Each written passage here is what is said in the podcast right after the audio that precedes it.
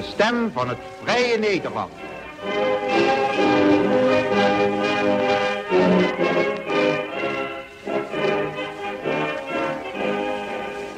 En een goede middag of uh, goedemorgen, waar u ook op bent.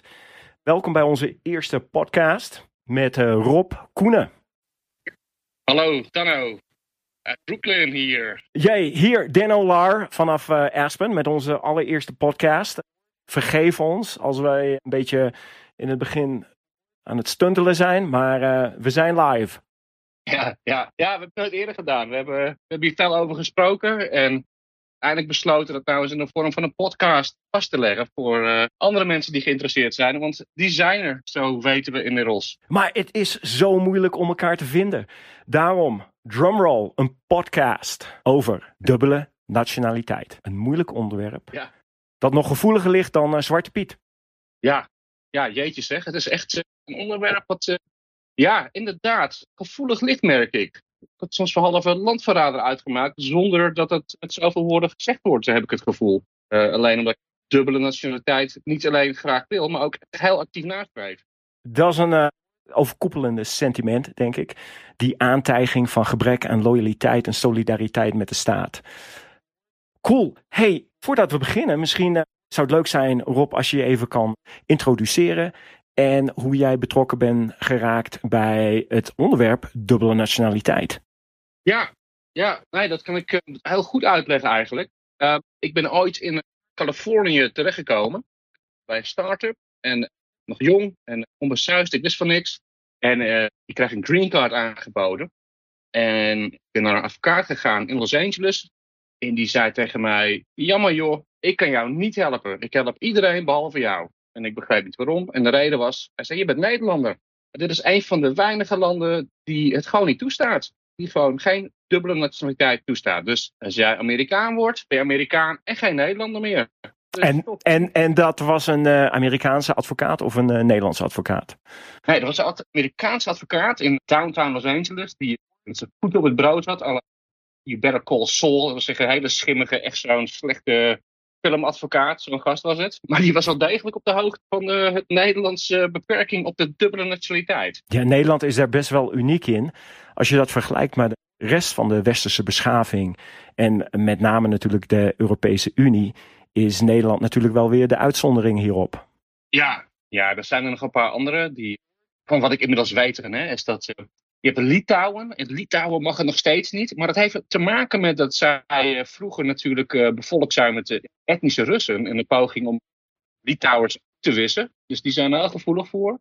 Dan heb je de... Oostenrijk. En dat is alles. Ja, dus uh, met Litouwen is het dus een onderliggende gedachte van ja, mensen buiten de deur werken. Ja, ze wouden die Russen die over de grenzen in Litouwen in, in het communistische tijdperk werden gepland, verplicht verplichten om dan ook Litouwers te worden. Hè? Oh, Oké. En dat is helemaal niet, dat is helemaal niet gelukt, joh. Die mensen die voelen zich Rus, die spreken Russisch. Dus dat is ook, ook op papieren was en neus. Hé, hey, maar uh, voor jou als Nederlander, wat betekent die dubbele nationaliteit? Nou, dat betekent twee dingen. Uh, ten eerste als Nederlander ben ik ook Europeaan. Ik ben een EU-burger. Um, dat is, die twee dingen zijn, om, die zijn echt met elkaar verbonden. Ik heb een jaar in Engeland gewoond. Ik heb voor de Bundesliga in Duitsland gewerkt. Ik heb in Engeland voor de BBC gewerkt. En dat kon ik gewoon doen, geheel vrij. Ik kon er gewoon heen gaan. Ik hoefde geen, geen verblijfsvergunning aan te vragen. Geen werkvergunning. Ik kon mijn, mijn kennis en mijn kunde gebruiken in de rest van Europa. Ik heb ook nog in Frankrijk gewerkt trouwens, bedenk ik me nu. Ik ben echt overal en nergens geweest. Um, maar buiten de Europese Unie, hier in uh, de Verenigde Staten, dat, ja, anders zoals je weet, ander verhaal. Uh, zeer lange adem nodig om hier aan je verblijfsvergunning te komen. En dat, dat lukt je niet zomaar. Dus nee. als je dat één keer hebt of kunt krijgen, is goud waard, joh. Dan kun je in hele Amerika en de hele Europese Unie werken. Een sleutel naar een andere deur van mogelijkheden. Ja, ja zeker. Uh, moet je niet vergissen wat dat, uh, wat dat echt waard is. Als je verder wilt kijken dan Nederland. Die komt natuurlijk al goud erop. Binnen, binnen de EU zit je goed met je Nederlandse paspoort. Dat zou naar Spanje gaan, of Duitsland of wat dan ook. Maar daarbuiten moet je verschrikkelijk oppassen. Ja. Um, ja. En voor jou, Dana, hoe, wat is jouw verhaal? Jij bent, jij bent, jij bent geen Nederlander meer. Ik, ik, heb, uh, ik praat in Nederlands met de Amerikanen. Ja, ik ben uh, officieel uitgeburgerd. Heb mijn Nederlanderschap verloren en mijn EU-burgerschap verloren toen ik genaturaliseerd ben als uh, Amerikaan. En net als jij is voor mij de dubbele nationaliteit, of in ieder geval gewoon het verwerven van een andere nationaliteit, in dit geval mijn Amerikaanse staatsburgerschap, is gewoon een sleutel naar sociale mobiliteit. Het heeft mij uh, een van mijn uh, doorslaggevende redenen was, uh, ik, wil, ik, werk als bergwachter in Aspen, Colorado. En wij doen veel werk met explosieven. En voor een uh, explosieve brevet heb je natuurlijk een background check nodig bij de alcohol, firearms en tobacco, alcohol, tobacco en firearms. Zowel de FBI, nou ja, dan gaat gewoon eenmaal wat soepeler met een Amerikaans paspoort hier. Dat zijn dus een van de voordelen. Nou ja, het is of het nou het aansluiten is van gas, water, elektriciteit, een huis kopen, een auto in bezit hebben of, of allerlei erfrechten. Dat zijn allemaal dingen die allemaal wat makkelijker gaan als je een tweede nationaliteit hebt. Ja, zeker. Ja, en sowieso als je dingen wilt opblazen, kunnen het best in Amerika zijn. Het lijkt me sowieso het beste opblaasland ter wereld natuurlijk. Tuurlijk, alles gaat hier. En ik heb daar natuurlijk ook helemaal geen spijt van. Het heeft me ontzettend veel mogelijkheden gegeven.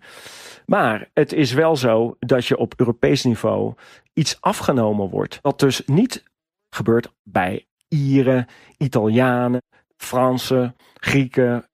Nou ja, en gewoon noem maar de hele westerse wereld. De beschaafde westerse wereld. Amerika, Canada, Nieuw-Zeeland. Eh, dat zijn allemaal immigratielanden waar je gewoon sanctievrij een tweede nationaliteit kan verwerven. Ja, ja en even voor de, de luisteraars, dat, dat plaatje even in context plaatsen. Stel je voor, jij was niet uit Nederland gekomen hier naar Amerika. En het hele verhaal was hetzelfde. Je, je explosieve uh, mens, laten we zeggen.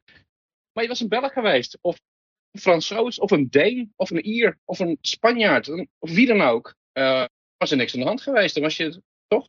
Ik heb een uh, Italiaanse collega op de bergwacht. Ik heb een Franse collega op de bergwacht. En die zijn allemaal natuurlijk uh, dubbele nationaliteiten. En ja, alleen als Nederlander sta je weer te kakken. Ben je de Sjaak? Dus even voor de duidelijkheid. Die, die Franse en Italiaanse collega's, die wonen ook in Aspen. Zijn ook Amerikaans geworden. Maar ze ook nog steeds Italiaans en dus EU-burger. En ook nog Frans en dus EU-burger. Maar ja, als Nederlander die dat ook heb gedaan, bent geen Nederlander meer en dus ook geen EU-burger meer. Doet dat goed? Correct, correct. En dat is, nou ja, in, ik weet niet hoe het in eh, jouw optiek overkomt, maar dat is toch discriminatie? Ja, want, want aan wie ligt dat dan precies? Ligt dat dan aan, uh, aan de Amerikanen, aan de Fransen, de Italianen of aan uh, Nederland? Alleen Nederland die het uh, niet toestaat een tweede nationaliteit vrijwillig te verwerven. Dus ja. Amerika en Italië zegt ook prima joh. Frankrijk zegt doe maar. En Nederland zegt nee, mag niet. Ja, het is een hele, ik weet ook niet dat een of andere manier als uitschiet uit uh, uitzondering dat Nederland dat aanhoudt. En ik heb daar natuurlijk, uh, ja. ik ben daar zes jaar al mee bezig. Ik ben in 2017 ben ik uh, uitgeburgerd. En dat ben ik natuurlijk gaan aanvechten bij de staat. En pas toen de uitspraak van Marieke Tjebbes door het Europese Hof werd bevestigd en Nederland eventjes op de vingers werd getikt, getikt. Want de wet is natuurlijk uit een tijdperk dat het, uh, ja, 1892. Ga daar maar aan staan. Hoe, probeer 1892 en de Europese Unie maar te rijmen. Dat gaat natuurlijk niet. Ja, ja je hebt dan over de, de Rijkswet voor het uh, Nederlanderschap. En die, uh, ja, die is wel vernieuwd en herschreven en dergelijke. Maar in zijn eigen andere naam gaat. Maar als je eigenlijk kijkt naar waar die wet begint. Wat eigenlijk de oorsprong van die wet is. Waar die op voortbeduurt. Dat is 1092, toch? Dat is waar het hele verhaal begint. En het Nederland zegt, nou, uh, in één, één paspoort is wel voldoende. Zonder eigenlijk ook dat uit te leggen waarom. Dat is gewoon, ja, dat is dat maar zo. Ja, en dat, dat is nu eigenlijk zo'n beetje het einde van van de route. Want in het begin werd er natuurlijk wel eens wat ik al eerder zei, een gebrek aan loyaliteit en solidariteit aan de, aan de moederstaat. Zonder daar ook maar bewijs aan voor te leggen. Ik heb nog geen uh, snelheidsovertreding op naam. Maar ja, op Europees niveau is dat natuurlijk eigenlijk uh, niet te rijmen. Het is natuurlijk wel toegestaan om de solidariteit en loyaliteit te beschermen. Maar op Europees niveau zijn we er nu achter van ja, dat, dat kan je niet. langer doen. En is Nederland hiervoor dus op haar eh, vingers getikt. En is er dus zoiets als een, het heet evenredigheidstoets. Um, waar je dat kan aanvechten door Europees bewijs te leveren dat jij benadeeld bent. Ja. Want, dat is zeg maar het gevolg van die uh, zaak Chebes, die, die door Marika Chebes is, is opgestart. We hebben nog proberen te bereiken voor deze uitzending. Ik denk dat ze even, even afwachten wat er precies gebeurt. Het is de eerste keer te proberen. Maar zij zit hier ten noorden van ons, in Canada. Canadees Nederlands. Nederlandse vader, Canadese moeder. En zij was Nederlands. Maar zij raakte haar Nederlanderschap kwijt zonder dat ze het wist. Op een dag werd ze wakker en ze was geen Nederlander meer. Zomaar. En dat heeft ze aanvechten bij het hoogste rechtsorgaan van de, de Europese Unie. Dat staat dus nog boven de Nederlandse hoogste rechtbank. En die hebben Nederland, de minister van Buitenlandse Zaken, op de vingers getikt. Dat dat niet zomaar kan. Want niet alleen aan Nederlanderschap was afgepakt, ook aan Europese Unie-burgerschap was afgepakt. Dat is waarom Nederland op de vingers is getikt. En, en nou dat evenredigheidstoets heeft ingevoerd om het eventueel misschien terug te kunnen krijgen. En dat is waar jij mee bezig bent. Om te proberen dat nou te, terug te krijgen op grond van die toets, toch? Correct, correct. Voor mij, ik ben, in, ik ben vertrokken naar uh, Colorado jaren terug om hier bergwachter te worden. Ik wilde alleen maar skiën en dus uh, ik ben begonnen bij de bergwacht voor de Aspen Skiing Company. En dat is dus uh, lawinecontrole en eerste hulp bij ski-ongelukken. En daar ben ik nou, een jaar of tien bezig mee, mee, mee bezig geweest. En ja, toch lekker aan de, aan de weg kunnen timmeren. En omdat wij Aspen zustersstadverdrag heeft met uh, Chamonix, is er een mogelijkheid om in Chamonix bij de bergwacht een uitwisseling te doen. Ik heb dat in 2015, 16 heb ik daar een winter gewerkt als bergwachter. En ja, dan wil je natuurlijk ook wel meer. En nu dat allemaal mogelijk is, omdat ja, als Nederlander kom je daar eigenlijk heel moeilijk tussen bij de bergwacht. En heb ik gebruik gemaakt van mijn sociale mobiliteitssluiproute, noem ik het maar. Om via de bergwacht in Colorado daar voet aan wal te krijgen in de bergen van Chamonix. En nu is het zo dat ja, we hebben gezinsuitbreiding en ik wil eigenlijk nog wel een keertje terug. En ja, dat is natuurlijk wel eventjes wat moeilijker, want nu heb ik natuurlijk geen gesponsorde visum. En ja, probeer maar als derde lander zonder burgerservice nummer of DigiD of verblijfsvergunning aan de bak te komen. Ja, precies. Want om dat even, even helder te krijgen voor mensen die niet bekend zijn met deze materie.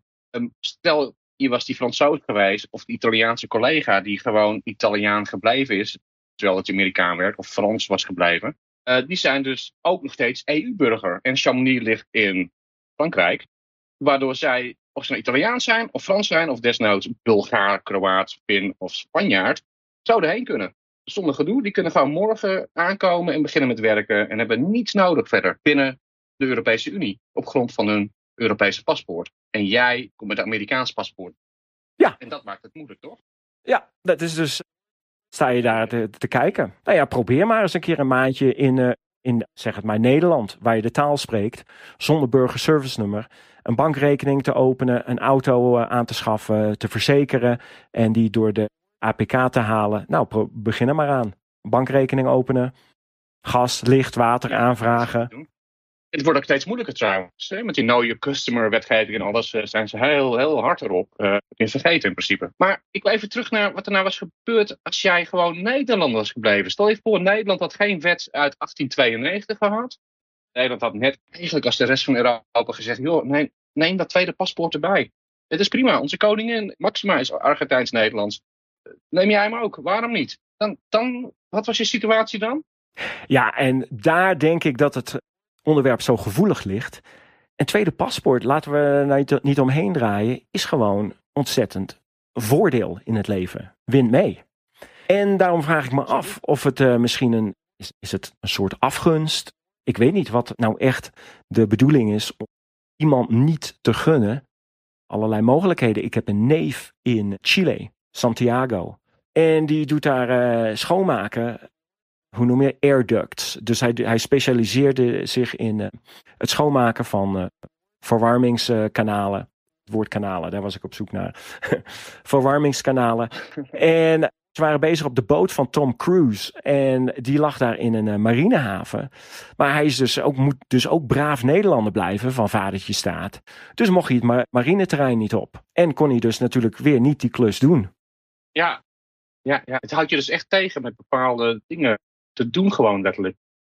Ja, er hangen allemaal voordelen aan. Ik, ja, ik, ik moet eerlijk zeggen, dat kijk nog echt los van, zeg maar, dat je het alleen maar uit praktische over, overwegingen doet. Ik, ik, woon ook, ik woon ook al jaren hier in Brooklyn. Ik heb meer dan tien jaar in Engeland gewoond. Op een gegeven moment ben je ook onderdeel van het land. Maar ik kom ook constant terug in Nederland. Ik ben veel met Nederland bezig. Ik spreek Nederlands uh, thuis hier. Ik woon om de hoek van, van Brun Street. Dat is een grote Nederlandse vlag hier. Terwijl ik uitkijk op World Trade Center, links van mij. Er wonen nog meer Nederlanders. Woon hier al sinds de jaren zestig. Ik zie niet echt in waarom ik die band zou moeten doorsnijden. Ik, uh, ik hecht er juist heel veel waarde aan. Ik ben lid van de Nederlandse Club van New York. We hebben Haringdag. Dat doen de Fransen ook. Het is vandaag Tours de Juillet. Ik zie ze allemaal feest hier in de buurt. Dat is de Franse omgeving. Maar wij zijn alleen cultureel verbonden. Maar onze staat, onze, onze overheid probeert dan zeggen actief die band door te snijden tegen onze wil in. Precies. Het gaat verder voor mij dan alleen maar even praktisch iets. Uh, oh, maar dan kan ik dit of dat wel. Nee, het is emotioneel voor mij. Ik ben Nederlander. En daarom zou ik ontzettend graag dat argument van loyaliteit en solidariteit aanhalen. Denk je dat een onteigeningspolitiek van je staatsburgerschap solidariteit en loyaliteit in de hand werkt? Of denk je dat het gunnen van het behoud van die nationaliteit vaderlandsliefde en patriotisme kweekt. Kijk, het is van geval tot geval een beetje anders, denk ik. Maar als ik, ik het gewoon even bij de feiten bekijk. Laten we beginnen. De persoon met, met de hoogste eh, functie van het land, onze koningin, is Argentijns-Nederlands. Twijfelen we aan haar loyaliteit aan Nederland? Ik eh, denk het niet. Twijfelen aan haar loyaliteit aan Argentinië? Ik denk het ook niet. Ik zie het probleem niet kijken naar de minister van Defensie. Zij is, uh, Kasia Ollengren, zij is Zweeds, Nederlands. Ten tijde van, dus minister van een NATO-land, ten tijde van een oorlog met Rusland, waarbij haar andere moederland, Zweden, niet onderdeel, en dus in principe exposed is aan Russische agressie. Ondanks dat twijfelen we aan Kasia Ollengren dat zij van Nederland loyaal is en de juiste militaire keuzes maakt. Ik denk dat niemand eraan twijfelt, behalve Geert Wilders dan, gewoon voor de bühne. Maar niemand twijfelt aan haar. Um, Max Verstappen, een Belgische Nederlander. Hij komt toch echt uit van Nederland. Hij is Nederlands grootste sportheld. Hij is Nederlands trots. Ondanks dat hij als Belgische Nederlander in Monaco woont. En de belastingafdeling ontwijkt natuurlijk. Goed voor hem. Maar we twijfelen toch niet aan die loyaliteit van hem. En of, of Ahmed Marcouch. Sorry, opnieuw. Abu Taleb van Rotterdam, burgemeester. Succesvol. Iedereen vindt hem een goede burgemeester. Die man is in het begin afgebrand omdat hij twee nationaliteiten had door de LPF onder andere. Moties van wantrouwen nog voordat hij begonnen was. Hij heeft laten zien dat die man volkomen loyaal is. Waarom moeten al die mensen zich zo verdedigen tegen het probleem wat er helemaal niet is? Eh, ik kan geen voorbeelden vinden op één na van mensen met dubbele nationaliteiten die niet loyaal zijn aan Nederland. En dan moet ik denken aan bijvoorbeeld de moordenaar Theo van Gogh. Dat was een Marokkaanse Nederlander die eigenlijk op Hirsi Ali uit was, was heel politiek. Maar ja, die werd beschermd. Dus ging hij maar naar Theo van Gogh, met wie, die, met wie zij die tijd die film maakte, schoot. En hij stak hem, schoot en neergeschoten. Nee, neergestoken en geschoten. Deze man had je zijn Nederlandse paspoort kunnen afpakken onder diezelfde wet. En hem gewoon het land uitgooien naar Marokko. Dus zo dringend, zo nijpend, zo acuut is, is, is het denk ik niet. Als ze die, die man gewoon zijn Nederlandse paspoort laten houden het lijkt me niet een Nederland die, die dat loyaliteitsprobleem heel serieus neemt. Uh, en voor al die gevallen dat het zeg maar had kunnen spelen, speelt het niet. We hebben gewoon voorbeelden genoeg van mensen die hartstikke loyaal zijn aan Nederland. En jij ook.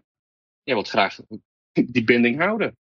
Ja, je hebt ouders, je hebt alles daar. Als je hoofdrekent, vloekt en rouwt in de taal, dan, dan ben je denk ik wel die staatsburger. dan je nog steeds in het Nederlands? Vooral als het vlug moet. Toch wel, ja.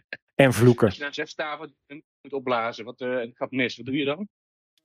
Als ik het, als ik het magazijn moet corrigeren, dan, en, en ja, er is wat hoofdrekenen, dan uh, doe ik altijd wel in het Nederlands, ja. Ja? Ja, ja dat gaat toch niet weg, hè? Uh, Cool.